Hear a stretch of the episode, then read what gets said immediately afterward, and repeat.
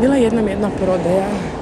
Dobrodošli u nesavršene priče, ja sam Boga. Mm, iskreno, snimila sam ovu epizodu, pa sam je obrisala. Ja sam je pokazala opet snimit.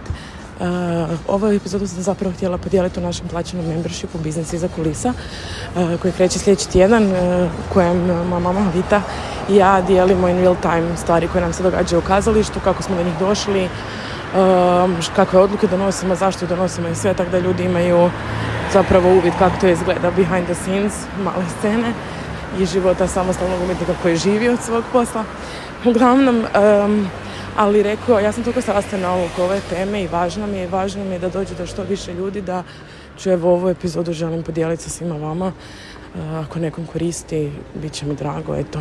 Ako želite znati više o membershipu, stavit ću vam sve u opis ove epizode. Um, mali sceni se počeo događati nešto jako čudno. Uh, mali backup story. Ja sam prošle godine odlučila uh, postaviti uh, predstave, znači izvedbe za javnost, predstava za tineđere, subotom u 6 sati popodne, jer sam shvatila da zapravo ne radim ono o čem, šta, o govorim i što promoviram i da naše predstave za tineđere zapravo nisu dostupne javnosti, jel, osim samo školama i nisam tim predstavama uopće dala šansu a predstave za tineđere i općenito adolescencije, sve to je nešto što je meni jako, jako, jako važna tema kojom se jako bavim i nekako mi je bliska srcu i važna mi je.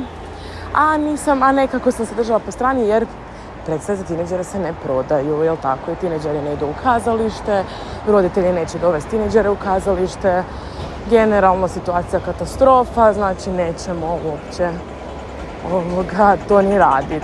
Ali onda sam sebe samo uhvatila, kako svima govorim, da mi mijenjamo paradigme, ovo ono, a ja lijepo ništa. Pa ne može to tako.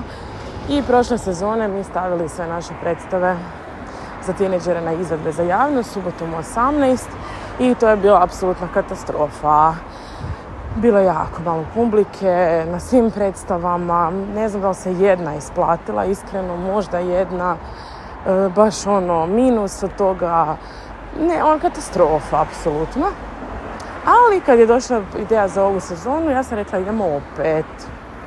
I da, buga nije normalna, ali e, prva stvar e, je to da ja znam priču iz male scene sve to meni moji uvijek pričaju da je kad su oni dvije druge počinjali tek sa predstavama za bebe od 18 mjeseci koji su sad kod nas raspadane i po mjesec dana unaprijed Um, prvu sezonu niko nije dolazio. Prva sezona je bila katastrofa, jer ono, predstave za bebe do 18 mjeseci, ko, ko će to gledat? Zašto bi to neko gledao?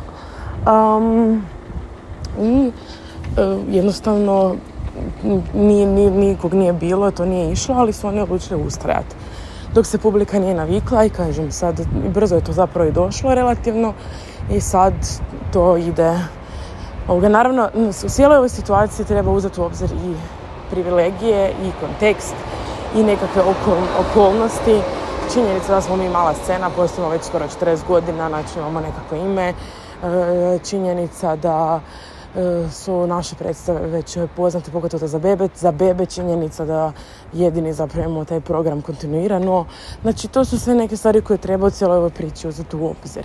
I također to da ja već pet godina zapravo učim raditi prodaju preko društvenih mreža, znači nisam ja to počela prošle godine, a to radim već pet godina minimalno.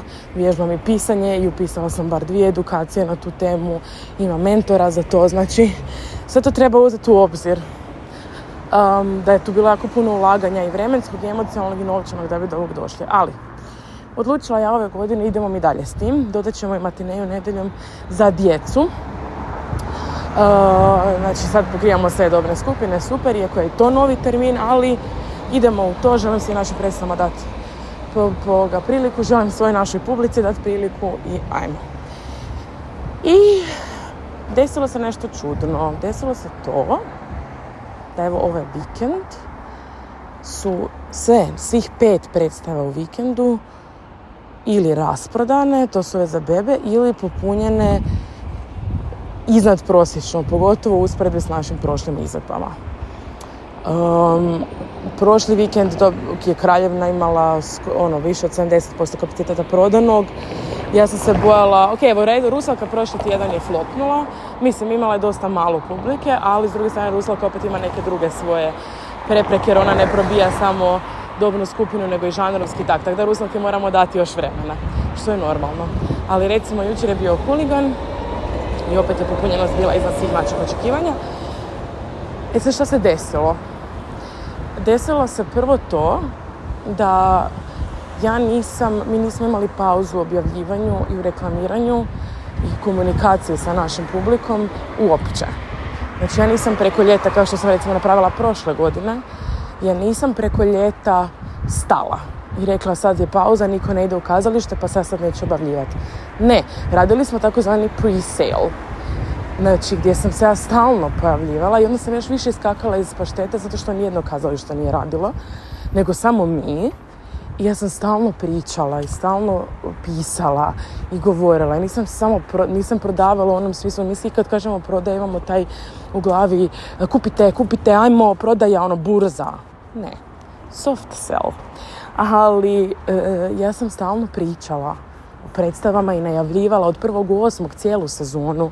I jadensku predstavu smo već krenuli najavljivati u osmom mjesecu.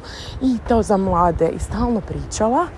Znači nismo stali, imali smo taj jedan lijepi kontinuitet koji je bio potpomognut činjenicom da sam ja stvarno, imam i menadžericu za društvene mreže i da sam od nje jako puno naučila, da sam stvarno naučila pisat. I radim još uvijek na tome, ali da su moje vještine pisanja i prodaje puno jače nego što su bile prije godinu dana. I promijenila sam način govora prema našoj publici. Prestala sam opisivati naše predstave, to tim se uopće gotovo ne bavim vrlo, vrlo suptilno. Ako pogledate naše objave, to će vam biti jako jasno. Promijenila sam način komunikacije. I sve to skupa čini se, još uvijek sam malo u strahu, ako ćete iskreno, još uvijek ja malo gledam kaj je ovo ljudi moji. Ovoga i kao, sljedeći tjedan će sigurno biti flop, ovo je slučajno. Još uvijek sam ono, malo u sa zadrškom, ali su rezultati ovdje. I rezultati su vidljivi. I samo sam htjela, ja znam taj, taj početak je toliko težak i toliko bolan i toliko naš pojma kaj radiš. I, ali ne možeš doći do ovog. Jednostavno ne možeš dok ne kreneš. I naravno onda je tu pomaže ako imaš mentore, ako imaš edukacije.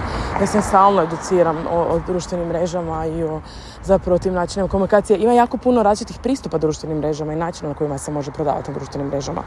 Tako da moje je samo jedan od koji sam ja odabrala. Ali bez ove dvije stvari jednostavno ne ide. I neće ići. Vrtit ćemo se u krug da ne znam, tineđeri ne žele ići u kazalište ili ovo se ne prodaje ili niko ne želi gledati ovo, bla bla. Ali dok mi ne napravimo ulog, dok netko ne napravi ulog u to, rezultata biti neće. I ne možeš odustati nakon jedne izvedbe koja se nije prodala. Ne zaboravite što sam već ponovila tri puta na ovom podcastu i što stalno ću ponavljati dok ne umrem samo na društvenim mrežama, znači da postavite tri puta jedno te istu objavu, neće vidjeti svi vaši pratitelji. Vaše storije gleda, ne znam, 10 ili 20% vaše publike, a ljudima je potrebno sedam puta da nešto vide da bi uopće tu informaciju primili. Vrlo rijetko se desi da netko vidi odmah kupi. Sedam puta. A mi objavimo jedno objavimo, niko neće kupiti, niko ne dolazi na moje predstave. Mislim, ovo zvuči bezobrazno, znam, ali jednostavno, kako bi vam rekla, mora se dogoditi ulog. Vremena, ne mora čak, i novaca, da, nažalost i novaca, onda je kao, kak ću onda, znam. Ali društvene mreže ne koštaju. Facebook ne košta, Instagram ne košta, TikTok ne košta. Samo se mora dogoditi emocionalni ulog i ulog vremena. Tako da eto, i onda naravno je uvijek lakše ako imaš nekog ko će ti pogledati stvari iz vanjske perspektive, dati neke upute ako je neko prošao već to prije. Meni je to značilo sve na svijetu. Meni znači da imam društvene, menadžeri su društvene mreže, ja sve pišem. Ona ništa ne piše, sve ja pišem. Ona napiše tu i tamo, lažem, napiše tu i tamo post, ali uglavnom 90% sadržaja su moji.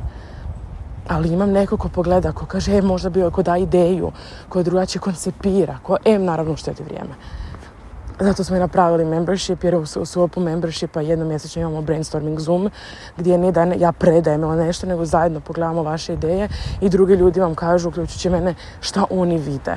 Stvari koje vi ne možete vidjeti jer ste unutar. Vod, riba nije vodu zmislila jer vodu ne vidi. Ok?